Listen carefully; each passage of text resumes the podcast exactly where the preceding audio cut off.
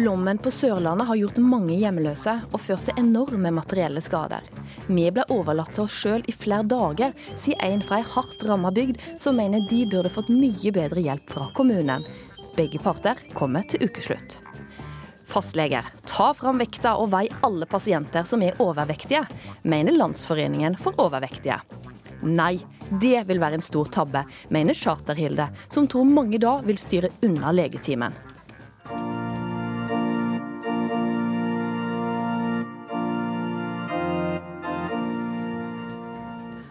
Har du lyst til å gifte deg, og i tillegg bli via av din egen ordfører? Alle landets ordførere får vigselsrett neste år. Noen ser store muligheter, mens andre frykter de ikke har tid til dette. Velkommen til ukeslutt. Jeg heter Ann Kristin Listøl. Og i denne sendinga skal du òg få lære litt mer om atomvåpen, etter at eh, gårsdagens nobelpris gikk til den internasjonale kampanjen mot atomvåpen. Men vi starter på Sørlandet. Flommen der har gjort enorme skader denne uka.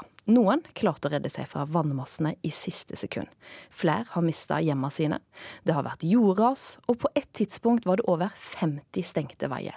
Det er foreløpig ikke klart hvor stort omfang skadene egentlig har. Reporter Kai Stokkeland, du ble kalt ut på lørdag du på jobb og har jobba med flommen hele uka. Aller først, hva er det som har gjort størst inntrykk på deg av det du har sett denne uka? Det å komme til eh, et flomramma område hvor vannet står eh, fire, kanskje fem meter høyere enn normalt, og møte mennesker som fortvilt ser på hjemmene sine som de sannsynligvis ikke flytte, kan flytte tilbake til, det har vært eh, enormt sterkt. Det gjør virkelig inntrykk å møte folk som blir ramma av slike tragedier som det. Og du har jo tross alt bare rapportert, men de folka du har møtt som står midt i det, hvordan tar de det? Ja, Det er jo det, det, underlige i en sånn situasjon. For noen er jo veldig hardt rammet, men kanskje naboen som har et hus som ligger fem-seks meter høyere i terrenget, er jo ikke rammet i det hele tatt, nesten. Og jeg ser jo at folk eh, tar vare på hverandre. De forsøker å hjelpe hverandre så godt de kan. Til og med under selve flommen så var det jo ofte sånn at eh, naboene evakuerte hverandre. De hjalp hverandre med båter for å komme unna med ting. Og, men jeg ser jo også nå i løpet av uka at folk er slitne. Det er mange som eh, ikke opplever at eh, de får den eh, oppbackinga fra myndigheter som de skulle ønske og sånn. Så er det tøffe tak. Og da skal vi gå videre med. Du skal, du skal gi hodetelefonene og ditt utstyr, mobilutstyr videre til en av innbyggerne i en av bygdene som ble hardest ramma av flommen. Og det er Tor Punsvik, som er innbygger i Drangsholt, med ca. 100 innbyggere. Tor Punsvik, du er tidligere leder av velforeningen i bygda. Du står eh, nå i din egen bygd. Hvordan ser det ut der du er nå? Akkurat nå så ser det tilforlatelig normalt ut når vi ser utover eh, over her, og det er nesten uvirkelig å tenke på at uh, tidligere denne uka så sto altså vannet veldig, veldig mye høyere, og da var hele den nedre delen av bygda var jo en stor innsjø. For nå, nå, hører jeg billyd, bilene kan kjøre forbi, men vi skal, hvis vi skrur litt tilbake, da. Altså, på søndag, da steig vannet. Det toppa seg på mandag. På det verste så var riksveiene da hos dere en meter under vann. Dere var isolert. Den eneste måten dere kunne komme dere ut av bygda på, var å ro i båt. På dette tidspunktet så står 16 hus under vann, og dere som lokalsamfunn hjelper hverandre. Hva er det du gjør da? Nei, altså Jeg hørte de heldige. Jeg mistet bare strømmen. Og vi, vi eh, var jo slik at vi også veldig tidlig eh, mistet eh, nær sagt drikkevann. Så, så så da var det å prøve å bistå som best vi kunne de som var hardest rammet. Så, så har vi ei bygd som, eh, som er ressurssterk og, og, og, har et veldig godt samhold. Så vi har jo hjulpet hverandre som, som eh, best vi kunne. Og det, vi merker nok nå at vi, at vi er eh, mentalt veldig slitne etter en uke. Og noen naturligvis har jo en mye mer usikker framtid enn en oss andre. Og for folk rundt omkring i landet som ikke har begrep om hvor ille det har vært. altså Helt konkret, på hva slags måte hjalp dere hverandre? Nei, akkurat her vi står, eh, rodde vi rundt eh, på, på mandag og hjalp eh, folk med å, å, flytte ting opp fra første etasje til annen etasje. For dette kom jo så brått på. Vi ble jo ikke varsla om at det var en slik ekstrem situasjon i vente. Da hadde vi jo hatt en helt annen beredskap vi også for å, å, å takle det. Og, og, så var det jo samles da hos de som så, så, sånn sett så var det jo mange en faktisk ble mye bedre kjent med enn en var tidligere. Mm. Og, da, og, Nå er du inne på litt av kritikken, dette med å ikke bli varsla. Eh, fordi at dere er ei lita grend, eller ei utkantbygd, og dere har følt dere helt glemt av kommunen. Hvorfor? Ja, det, altså, det, det, har, det, har, vel litt med gammel historikk å gjøre også. Men vi er jo en grensebygd som er delt på midten av ei fylkesgrense. Og, og, vi har en ca. 120 husstander. og, og eh, og eh, ja, vi, vi, hørte ingenting fra sentralt hold. Altså, vi fikk SMS-er fra vannverk, fra, eh, fra Agder Energi Nett når det gjaldt strømforsyning, men vi hørte ikke et pip da fra, fra, fra, fra Kristiansand kommune, hvor det, det, aller meste av disse skadene har skjedd. Og, og eh, en av mine naboer, som er, har gård og masse dyr, de ringte inn på mandagsmorgen til teknisk etat. og og ble i grunnen bare avspist at dette var en privatsak. At det med strømmen måtte vi ta med energiselskap. Og det var ikke Tor Pundsvik, nå har du litt dårlig dekning der. Jeg vet ikke om det fortsatt er, effekt etter flommen. Men du sa at du fikk ja, Tor, Tor, jeg avbrøt deg fordi at lyden din datt ut. Men eh, Nå er du tilbake igjen, og det er fint. Men det du sa, var at dere hørte ikke et pip fra kommunen. Og nå skal vi slippe til kommunen. For beredskapssjef i Kristiansand kommune, du er med oss på linje fra Kristiansand, og det er du, Sigurd Paulsen. Glemte dere Drangsholt? Nei, det var ingen eh, av våre 90 000 innbyggere som vi glemte i løpet av denne krisen. Men eh, jeg vil berømme den innsatsen som eh, de gjorde, spesielt på Drangsholt, ved å hjelpe hverandre når vannet steg og, og veiene var ikke kjørbare lenger. Du sier at dere glemte det ikke, men de sier at, han forteller at de følte seg glemt. Hva gikk da galt? Hvis vi, eh, nå skal vi ikke evaluere denne krisen her og nå, for vi skal følge opp det etterpå i sammen med alle nødetatene. Eh, kommunen bistår jo først og fremst eh, politiet i en sånn eventuelt evakuering. Og de rapportene jeg har, det er at det kom ikke noe behov frem gjennom de ordinære linjene. Eh, så for oss var det vanskelig å se at eh, behovet var der, før vi faktisk kom ut eh, på tirsdag ettermiddag. Da fikk vi se at Eller da spurte vi rett ut om det var noe behov, og de, det fulgte vi opp. Ja, Punsvik, du er tilbake. Nå har vi god lyd på deg igjen. Som beredskapssjefen sier, dere meldte ikke inn noe behov? Vel, min nabo som, som driver eh, gård og har, har uh, dyr, eh, ringte inn til teknisk etat mandag morgen for å søke bistand. Da hadde ikke vi strøm, vi hadde ikke drikkevann. Og, og eh, da ble jo rett og slett avvist i teknisk etat at dette var en privatsak, og at vi måtte ta det med strømmen med energiselskapet. Ja, svar på det, Sigurd Paulsen. Eh, nå er det sånn at eh, I dette området så er det et privat eh, vannverk, og det er en del som også har brønn. Ehm, så i utgangspunktet, så når vannet da svikter, så må de henvende seg til den private operatøren. Eh, men det vil ikke si at ikke vi har et ansvar etter hvert som i forhold til å fremskaffe friskt vann. Men, For det men, gjør vi. Men Sigurd Paulsen, viser ikke dette nettopp litt av problemet da, når du står eh, midt i flom, og så skal du ringe, og så er det privat, og så må du ringe til noen andre? Er det ikke nettopp i sånne situasjoner at beredskapen må funke, og at folk må klare å snakke sammen? Helt klart. Eh, og hadde vi fått på en måte opp, fått vite at dette var noe som var kritisk, eh, hvis det var kritisk, så ville vi ha håndtert dette mye fortere. Tor Pundsvik, var det ikke kritisk nok? altså Mandag når jeg rodde rundt her, så hadde jeg tre helikopter fra media. Og hele Norge så hvordan vi hadde det her. Så, så, og, og, og, den vannforsyningen fikk vi først seint onsdag kveld. Så, så jeg, jeg syns ikke det er fryktelig mye å, å slå seg på brystet av her. Ja, for Paulsen, altså Det har blitt fortalt om folk som har rodd rundt eller sykla rundt i vann for å hente medisiner til folk som har trengt det. Når er det kritisk nok for at dere sjøl tar opp telefonen og ringer og spør hei, kan vi hjelpe dere? Umiddelbart, eh, hvis man ringer nødetatene, så vil nødetatene eh, respondere på det øyeblikkelig. Ja, Punsvik, det er jo litt sånn, man vil jo ikke alltid være til bry. Kunne dere sjøl ha ringt 113, 112 eller 110? Altså, dette skjedde jo i helga, og da, det var da det eskalerte. Og, og, det skjedde jo mye, mye raskere enn vi hadde kontroll på.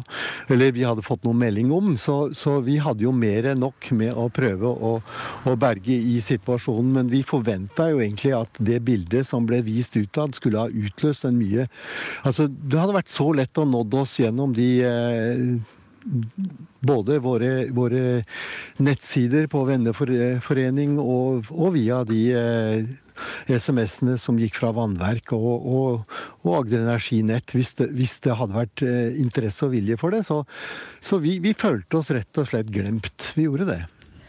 Meteorologisk institutt de har tatt selvkritikk for manglende ekstremvarsel. Eh, Sigurd Paulsen, dere, er det noe å ta selvkritikk på for deres? Ja, I etterkant av en sånn en, uh, hendelse som dette, så er det mange ting som skal gjøres. Og det skal evalueres. Men her og nå, da? Ja, Her og nå så har vi ingen problemer med å se at uh, beboere fra dette området følte seg glemt. Og vi skal se hva vi kan gjøre med det. Det tok to dager før dere dro dit, men hvordan er kontakten nå? Jeg opplever at vi har en god kontakt. Det har vært folk som har spurt om uh, om vi kan hjelpe til i forhold til eh, det å leie bolig. Og vi har hatt det ute på nettet og fått veldig stor respons. Tor Punsvik, til slutt da. Eh, vi vet jo aldri helt hvor uværet slår til. Har du et eh, råd til andre som plutselig står i en sånn situasjon som dere har stått i?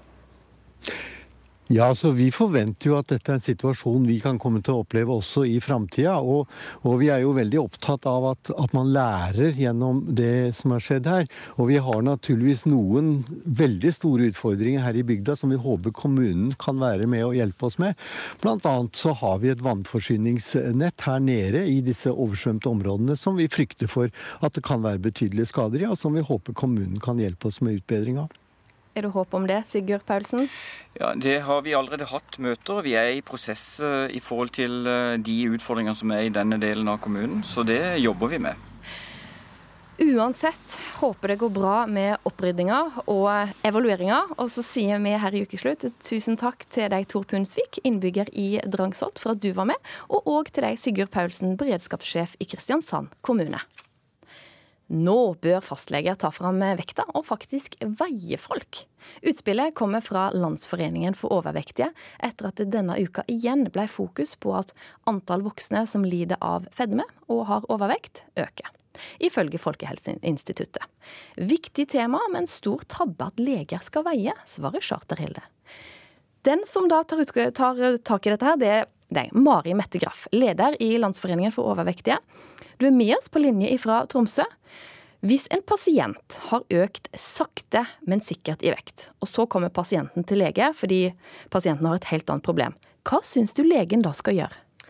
Da tenker jeg at legen kan invitere til å gå på vekta.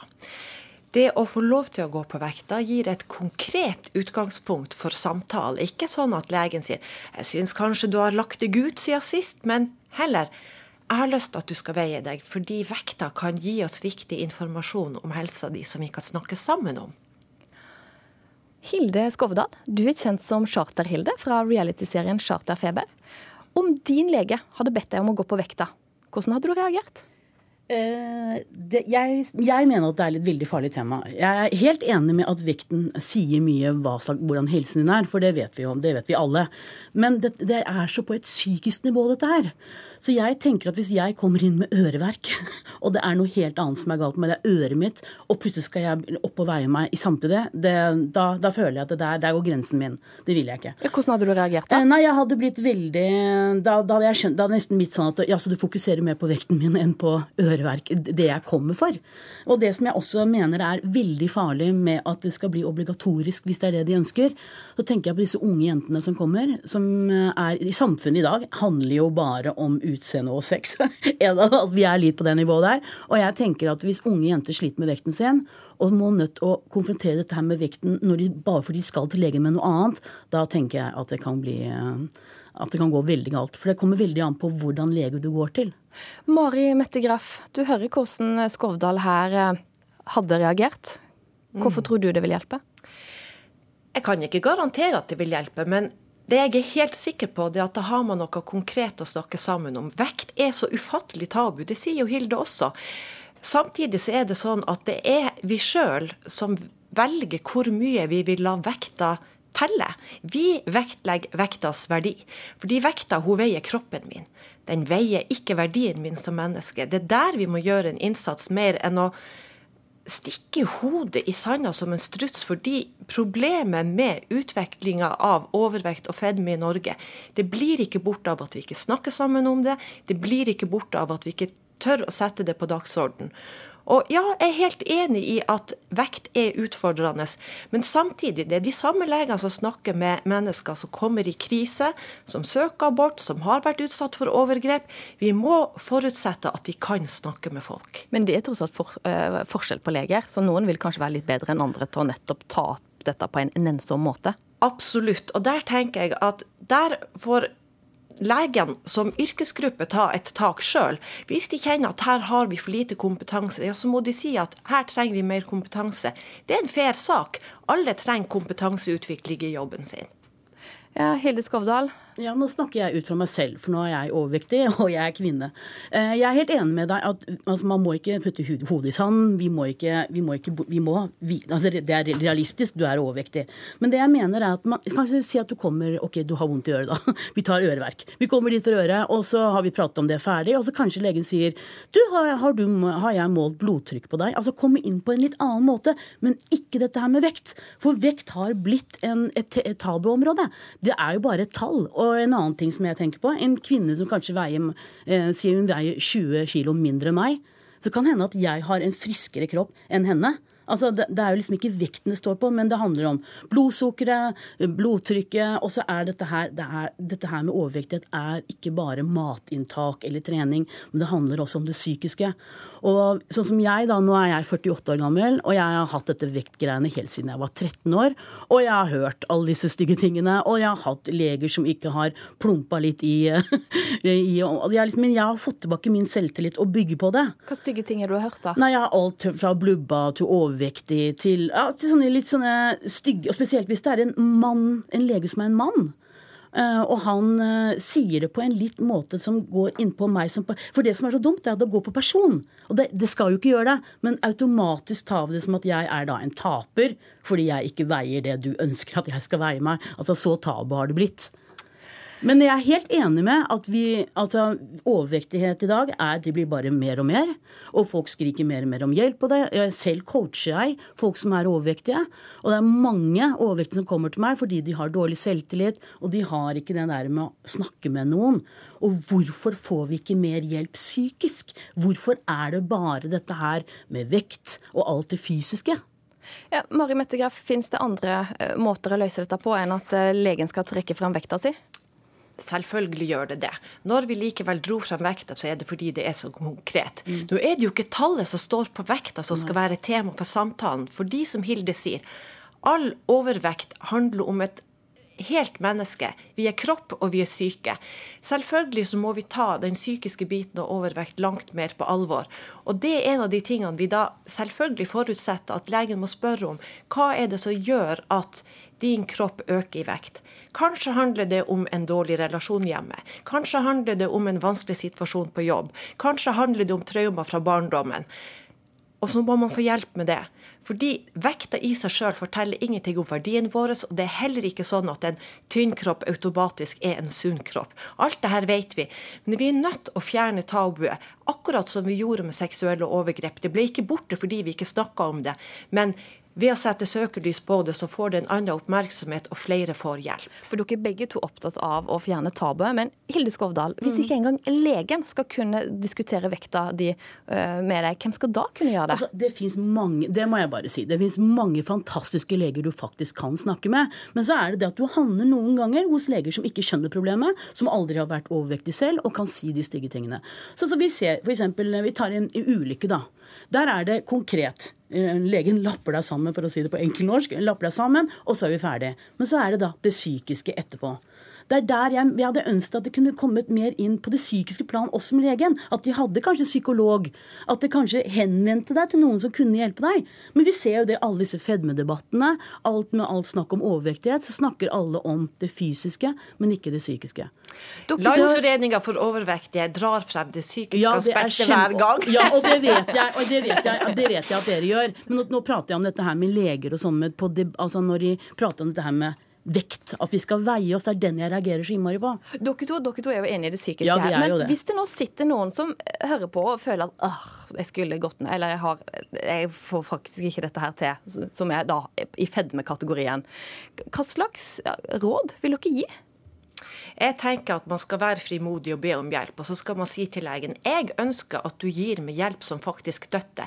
Ikke kast blår i øynene på meg og si at det er enkelt, at jeg bare skal trene mer og ete mindre. For sånn er det ikke. Endring er utfordrende, og der kan legen være en støttespiller, en psykolog kan være det, en coach kan være det, en venn eller familie kan være det. Men det å faktisk skjønne og få hjelp til at Varig resultat krever en varig endring. Vi må slutte å snakke om slankekurer, fordi folk slanker seg sakte, men sikkert opp i vekt. Mm. Og ditt råd, Hilde Skovdal? Nei, altså, det, jeg, det, jeg, er helt enig med hva du sier, men det eneste som jeg, eh, eneste som jeg er så redd for, er at det, Si at det er unge Nå prater vi om unge, unge jenter og unge gutter, da. Så ikke de tør å ta tak i det. Men altså, hvis du kan klare å finne en lege som du kan snakke med, og som du kan få hjelp med, da er jeg helt enig. Men det er bare dette her med at, vi, at det skal prates om vekt med en gang. Det er, den, det er der tror jeg stritningen kommer med en gang. Moralen er finn en god lege. Mari Mette Graff, leder i Landsforeningen for overvektige, takk for at du var med. Og Hilde Skovdal, takk òg for at du var med. Tusen takk. Bli med videre i Ukeslutt og hør mer om at vi nordmenn er på flytoppen, mens klimautslippene øker. Hvis du bryr deg om barna dine, må du slutte å fly, sier klimaforsker som ikke har tatt et fly på 13 år. Og etter gårsdagens nobelpris, hvor nært har vi egentlig vært atomkrig i nyere tid? Du og jeg, vi kommer statistisk til å fly 18 ganger rundt ekvator i løpet av livet. Det kunne vi lese i Dagsavisen denne uka, for vi nordmenn vi er på flytoppen. Bryr du deg om barna dine, så må du altså slutte å fly, mener denne klimaforskeren. Men flyet går, uansett om jeg er med eller ikke, svarer flyentusiast Tore Dyrseth.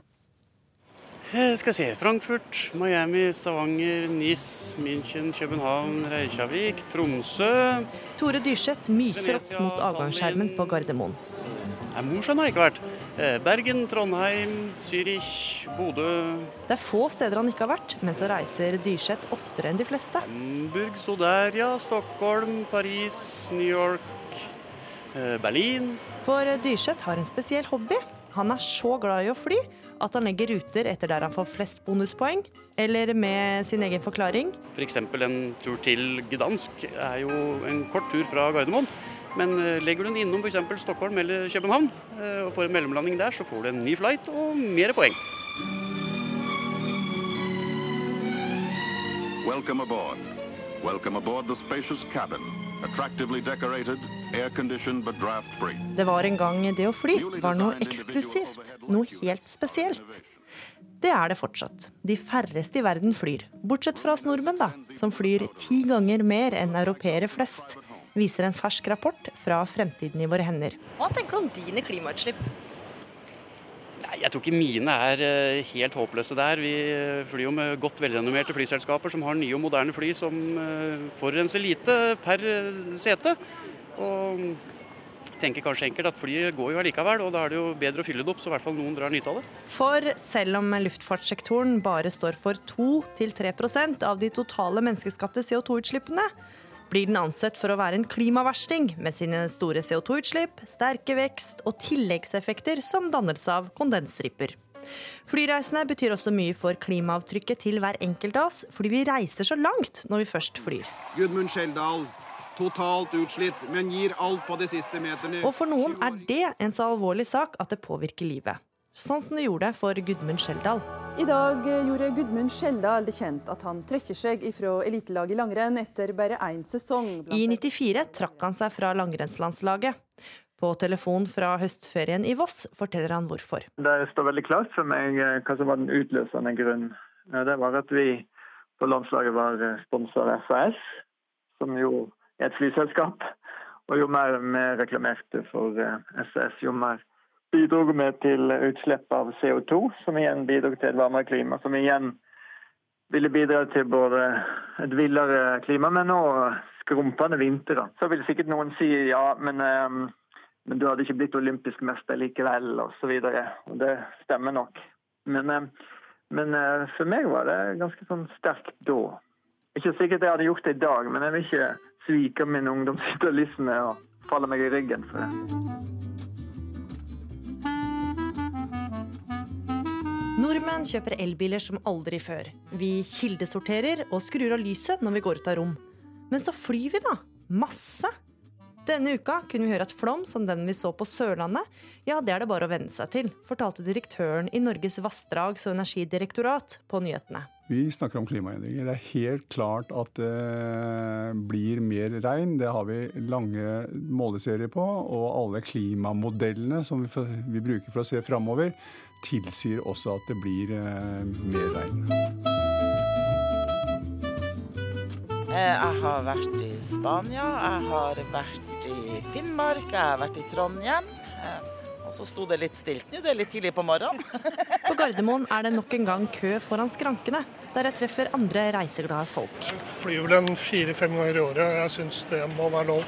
Ja. Ja. Hva hvis alle skulle levd som oss, da? I verden? Det er jo et, uh, et stygt problem, egentlig. Så Ja. Det ville gå til helvete med jorda. Nå skal vi til Madrid. Hva skal dere der gjøre, da? Ja, Det er en ferietur. Ja.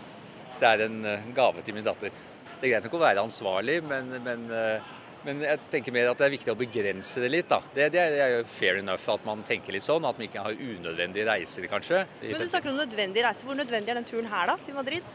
Eh, nødvendig er det vel ikke sånn i den store og hele sammenheng, men jeg tenker for eh, vår eget velvære og, og kan si, ja, så, så, er det veldig OK. Eh, og man skal jo ha et eh, rikt og meningsfullt og innholdsrikt liv. Men ikke alle er enig i det. If Norwegians do care significantly about their children's future, and hopefully also the future of poorer people living elsewhere in more climatic Hvis du bryr deg om dine barns framtid og framtida til andre, må du fly mye mindre, eller helst slutte å fly. if not stop their flying. Klimaforsker Kevin Anderson vet hva han snakker om. Selv har han ikke flydd siden 2004, og får trolig aldri sett onkelen sin igjen. Well, I think it's difficult for him. It's difficult for both of us. He's a lovely man. I, I'm very fond of him. Det er vanskelig for oss begge, jeg er glad i ham. Men onkelen til Anderson bor i Australia, og turen dit er så lang når man ikke skal fly, at han trolig må vente til han blir pensjonist før han drar dit. Hvis jeg flyr til ham, så vil det føre til høyere CO2-utslipp, som vil gjøre det verre for andre mennesker. Derfor kan jeg ikke forsvare det å skulle besøke ham. I don't feel my life is a bad life because I do not fly. I still live a very good, prosperous life. Men jeg lever et rikt liv, selv om jeg ikke flyr, tilføyer Anderson. I likhet med alle andre i den vestlige verden som velger å ikke fly. Eh, så alle nordmenn bør ha dårlig samvittighet, og alle nordmenn må tenke seg om eh, trenger den turen her. Men det er jo sånn sosial smitte. Og så har jeg tenkt på det. Hva, er det, hva kan vi hjelpe hverandre med? Punkt én må jo være å ikke trykke like på Facebook hvis noen andre har reist langt av gårde. Mm. For da bare løfter vi fram enda en flytur i det sosiale feltet vårt. da. Og så må punkt to være å ikke legge ut på Facebook at en har reist til Hvis en har bevilga seg en høstferie i Roma, så reiser en jo fordi en vil nyte Roma, ikke for å skryte av det på Facebook. Jeg skal ikke tilbake hit før neste lørdag igjen, så blir det en tur til Gran Canaria. Hva skal du Er det bare ferie? Ja, vet du, Da er det faktisk eh, ferie. Dyrseth gjør seg klar til å forlate Gardermoen for denne gang. blir en helgetur til Hongkong og en eh, langhelg i New York nå før jul. Men han kommer snart igjen. At om, om jeg slutter å reise, så tror jeg ikke verden blir et veldig mye bedre sted av den grunn.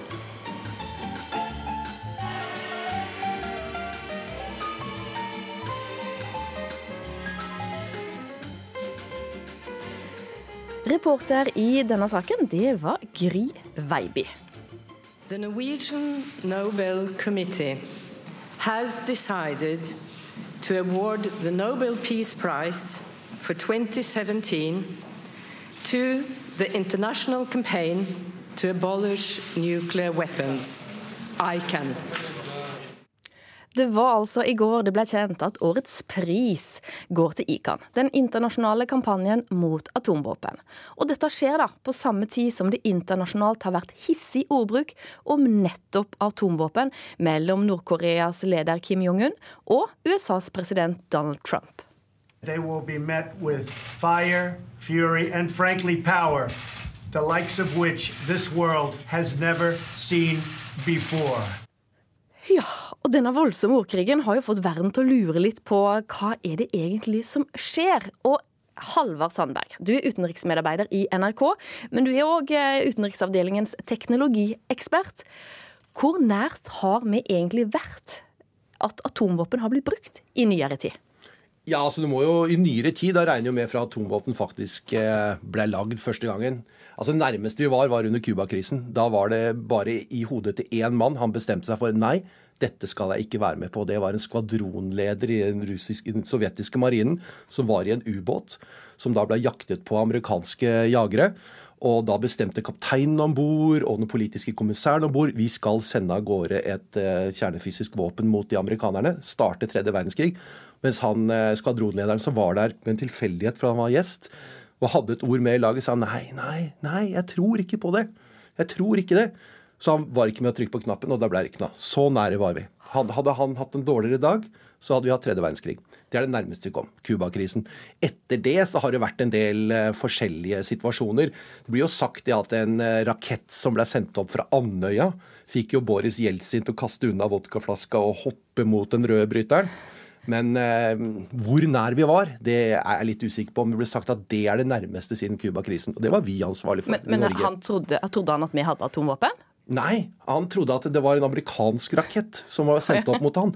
For det fortalte alle. Alle rådgiverne hans sa det at det amerikanerne skyter raketter mot oss nå. Nå må du svare. Du må svare. Du må trykke på knappen. Og han sa nei, nei, njet, njet. Nei, det ble ikke noe. Det var nær. Og det var fra Andøya, ja. Det hadde vært mye fokus på flystasjonen på Andøya i Ja, det var valgkampen. rakettskytefelt. da, Helt sivilt. ja, det er helt sivilt. Ja. Men du, bortsett fra at det er livsfarlig, hva bør du og meg, eller folk flest, vite om atomvåpen? Det er veldig mye du bør vite om atomvåpen, da, men det kan være interessant å vite at eh, du ikke kan ha en atom, et atomvåpen i lomma. Fordi at eh, du må ha en viss størrelse, du må ha en viss vekt på dette materialet som skal brukes til atomvåpen for å få det til å funke. Du kan ikke bygge en atombombe inn i en kulepenn, eller heller ikke sånn vanlig som bombebelte kan du ha et atomvåpen. Det er en viss størrelse på det. Hvor er det minste stedet du kan putte ei atombombe, da? Minste, ja, det er strides til lære, for det er hemmeligstemplet informasjon. da, Men du må i hvert fall ha en fire-fem kilo med spaltbart materiale. En god klump med det som er i midten, og så har du alt det rundt. Det minste de har greit, er å pakke det inn i en artillerigranat av en viss størrelse. Det har amerikanerne fått til. Og det sies at russerne har sånne ryggsekkatomvåpen som luringene kan ta med på toget og putte på et lurt sted. Men det er ganske store greier. altså Det veier en god del kilo. Du har det ikke i baklomma. Og så jo, blir det snakka om dette kappløpet. da? Hvem har kommet lengst? Eh, nå har vel ikke du tilgang til all hemmelig etterretningsinformasjon, men av det du har funnet ut, hva er grunn til å tro? Hvem leder løpet? Det er amerikanerne som leder teknologisk. Det er de som eh, har ble tvunget faktisk til å ha bedre teknologi enn eh, russerne. Først så startet de først, men amerikanerne var handikappa fra begynnelsen av, for de hadde dårligere raketter enn russerne. Så de måtte lage bedre atomvåpen, lettere atomvåpen, og de har ledet hele veien. Og og hvor heftige? Det Nord-Korea-laget nå, det er skikkelig primitive greier fra 50, begynnelsen av 60-tallet. Og hvor heftig er det som amerikanerne har, da? Ja, Amerikanerne har ikke så heftig som russerne igjen. Den heftigste som har blitt uh, detonert, den var en sånn 50 megatonn-klasse. Det er fryktelig, fryktelig fryktelig mye. Amerikanernes uh, tyngste nå, det er vel sånn 1,3 megatonn. De, men de har sånn klokkestyring, så de kan si den her skal bare være 100 kilotonn. Den her skal være 1,3 megatonn. Megatonn er altså millioner tonn med TNT. Altså sånn, det, er, det er veldig veldig stor sprengkraft. Men man har funnet ut at det er ikke nødvendig med den store sprengkraften lenger. For at man skal jo prøve også å nå enkelte mål. Det er ikke noe sånn kjempestore smell man er ute etter. Jeg er jo vokst opp med å liksom være redd for atomvåpen. Eh, men altså, hva er forskjellen på de atomvåpnene som ble brukt da, eller som ble sluppet over Hiroshima og Nagasaki, og de som finnes i dag? Ja, De to tragediene der eh, ble, der ble brukt uh, uran, og så ble det brukt plutonium. Og Da brukte man noe som heter eh, fisjon. Det betyr at tunge molekyler, atomer, ble spaltet, og så slapp de ut energi. Mens det som brukes nå, er at du har en sånn type atomvåpen i begynnelsen, og så får du man til noe som heter fusjon, det samme som skjer i solen. Da er du lettere eh, grunnstoffer som da smelter sammen og slipper ut eh, energi. Og de får du mer smell ut av. altså Det er hydrogenvåpen. Det er de som er de vanlige å bruke nå. Så kan vi legge til at navnet på de var Fatman og Little Boy. Halvard Sandberg, takk for at du kom og gjorde oss litt klokere på atomvåpen.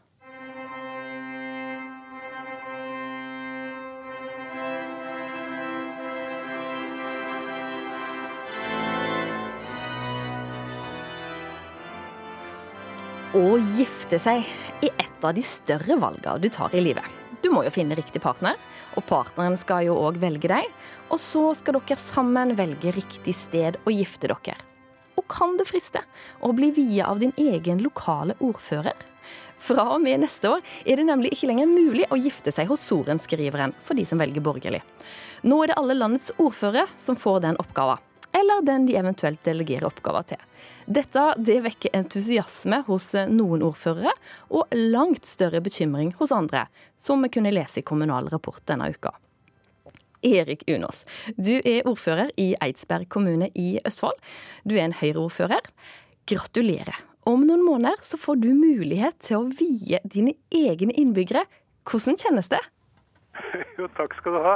Eh, det kjennes litt uh, morsomt. Det er Eh, litt sånn høytid over å få det oppdraget, så jeg tar imot med ærbødighet. og eh, så har jeg satt utgangspunktet, i likhet med mine 426 andre ordførerkolleger i landet, vi eh, er positive til utgangspunktet til all verdens nye påfinn og muligheter. Vi stiller opp for næringslivet og frivilligheten og for alle innbyggerne våre. Men så er du òg litt bekymra. Hva er det du er bekymra for? Ja, jeg er bekymra for tidsbruken til min, i min ordførerhverdag. Altså, på, på uh, fredager og lørdager, som jeg tipper de fleste borgerlige og nå kommunale vielser, som det vel skal hete, uh, kommer til å skje da. Uh, I den lokale tingretten så er det ca. 70 borgerlige vielser i året. Jeg har litt følelsen at med den nyordningen så ble interessen enda større. Og jeg var inne og så på kalenderen min forrige dagen. Jeg tror siste året utenom akkurat sommerferien så har jeg vel hatt fire eh, fredager og lørdager som ikke allerede er tettpakka med Eh, tilstedeværelse på idrettsarrangementer og lokale jubileer og storklippinger. Og det er jo den store, liksom, de store frivillighetsdagene. Og så skal jeg da eh, på en eh, god og skikkelig måte også klemme inn Eh, et par brylluper eh, hver helg. Det, det, mm, jeg er litt usikker på hvordan det kommer til å bli. Og, og, Hvordan du praktisk skal gjøre det, skal vi heller komme tilbake til. Men vi skal forflytte oss til nordover, til Øksnes i Nordland. Der er du, Karianne Bråten, ordfører fra Arbeiderpartiet. Og hvis jeg ringer til deg og spør om du kan vie meg, så vil heller ikke du juble. Hvorfor ikke?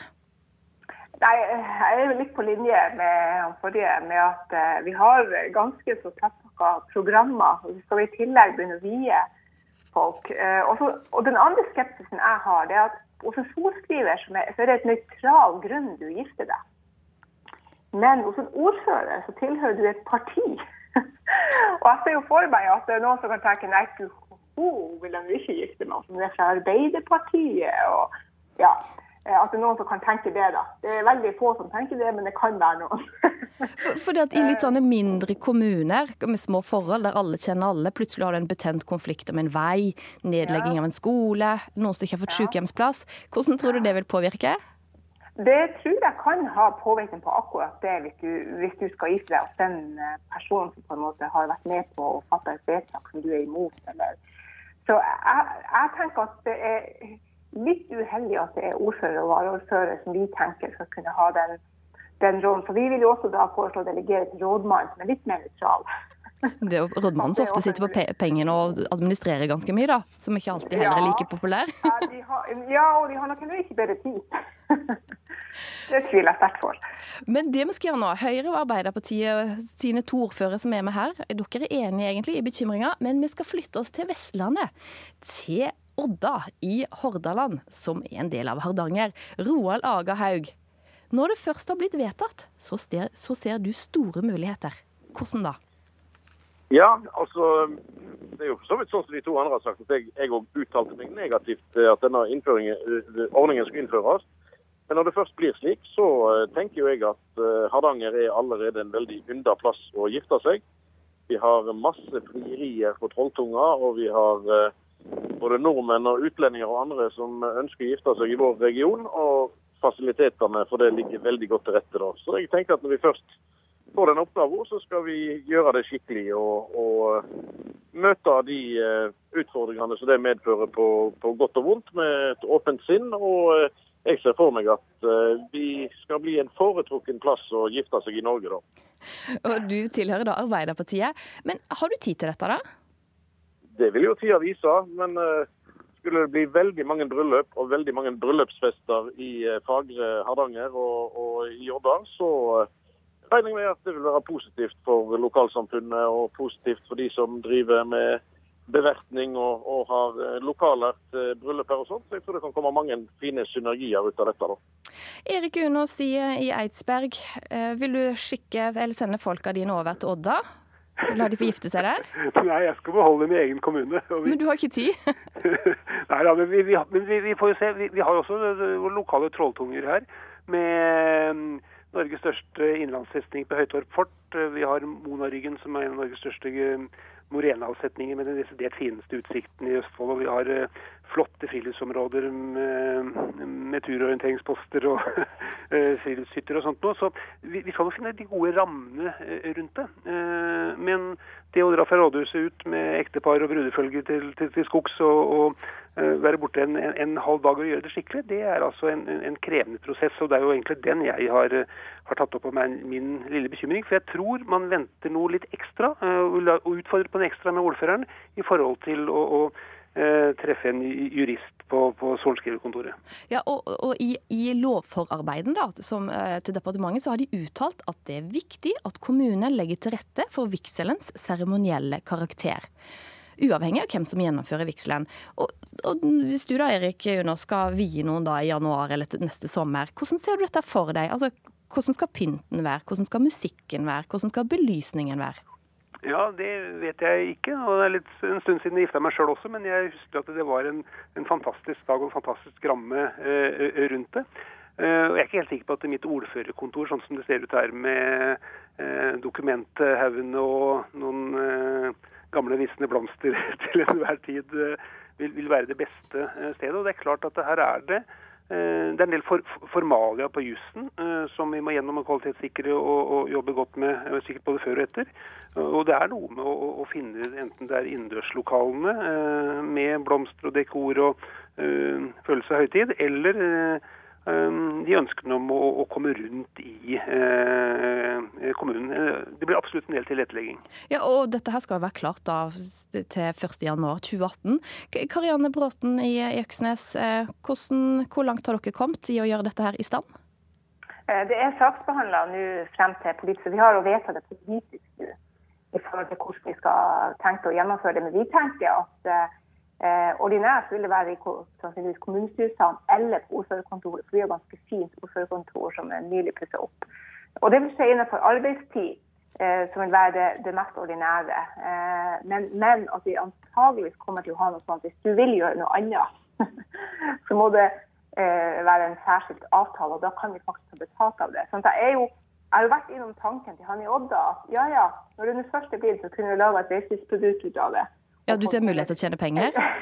ja, da kunne vi ha tjent litt mer penger. Ikke at kommunen tjener på å være en sånn reiselivsaktør, Men at skal det skje utenfor arbeidstid og, og veldig spesielle plasser som du må bruke mye tid kanskje for å komme deg til. og sånn. Og så dere tre, til slutt da. Det er jo sånn at Fra og med januar så kan dere faktisk eh, stå der og skulle vie noen. Og da må dere jo kunne dette her. Eh, Skal vi ta dere på rekke og rad og høre hva som er åpningsorda som dere da skal si til brudeparet? Og se om dere er klare? Erik Unås, hva vil du si? Det verste var at jeg var inne på Wikipedia i stad og prøvde å sjekke det, og jeg leste det opp for meg sjøl, og så har jeg glemt det igjen. Karianne Bråten, kan du overby Erik Unås? Ja, vet du, jeg, jeg har sjøl gifta meg kirkelig, så jeg vet ikke hva de sier borgerlig. Så jeg får skylde på det. Roald Agerhaug, den mest entusiastiske av dere tre. Hva sier du? Nei, jeg ser jo for for meg at vi må lage vår egen liturgi, holdt jeg på å si. Men, men, men eh, nei, altså det er jo Vil du ha Kari som hos deg står, og så videre. Og jeg, jeg legger jo opp til også at eh, det brudeparet f.eks. går til Trolltunga før de gifter seg. da, For da får de god tid til å tenke seg om. Og så kan de ta den endelige avgjørelsen der inne, da.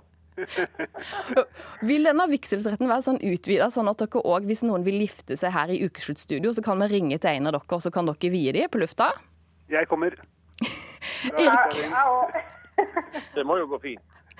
Da har vi tre ordførere, fra henholdsvis to fra Arbeiderpartiet og en fra Høyre, som alle stiller. Og så kan jeg legge til at um, dette her var et samla storting som vedtok, så partiene er enige om at uh, dette her er lurt at kommunene skal gjøre framover. Erik Unås, takk for at du var med i uh, Ukeslutt. Du er da ordfører i Eidsberg. Og Karianne Bråten, ordfører i Øksnes, takk for at du var med. Og det samme til deg, Roald Agahaug fra Odda. Takk for at du har hørt på Ukeslutt. Ansvarlig for denne sendinga, Andrea Kvamme Hagen. Teknisk ansvarlig, Hilde Tosterud. Jeg heter Ann Kristin Listøl, og vi i Ukesluttredaksjonen ønsker deg god helg.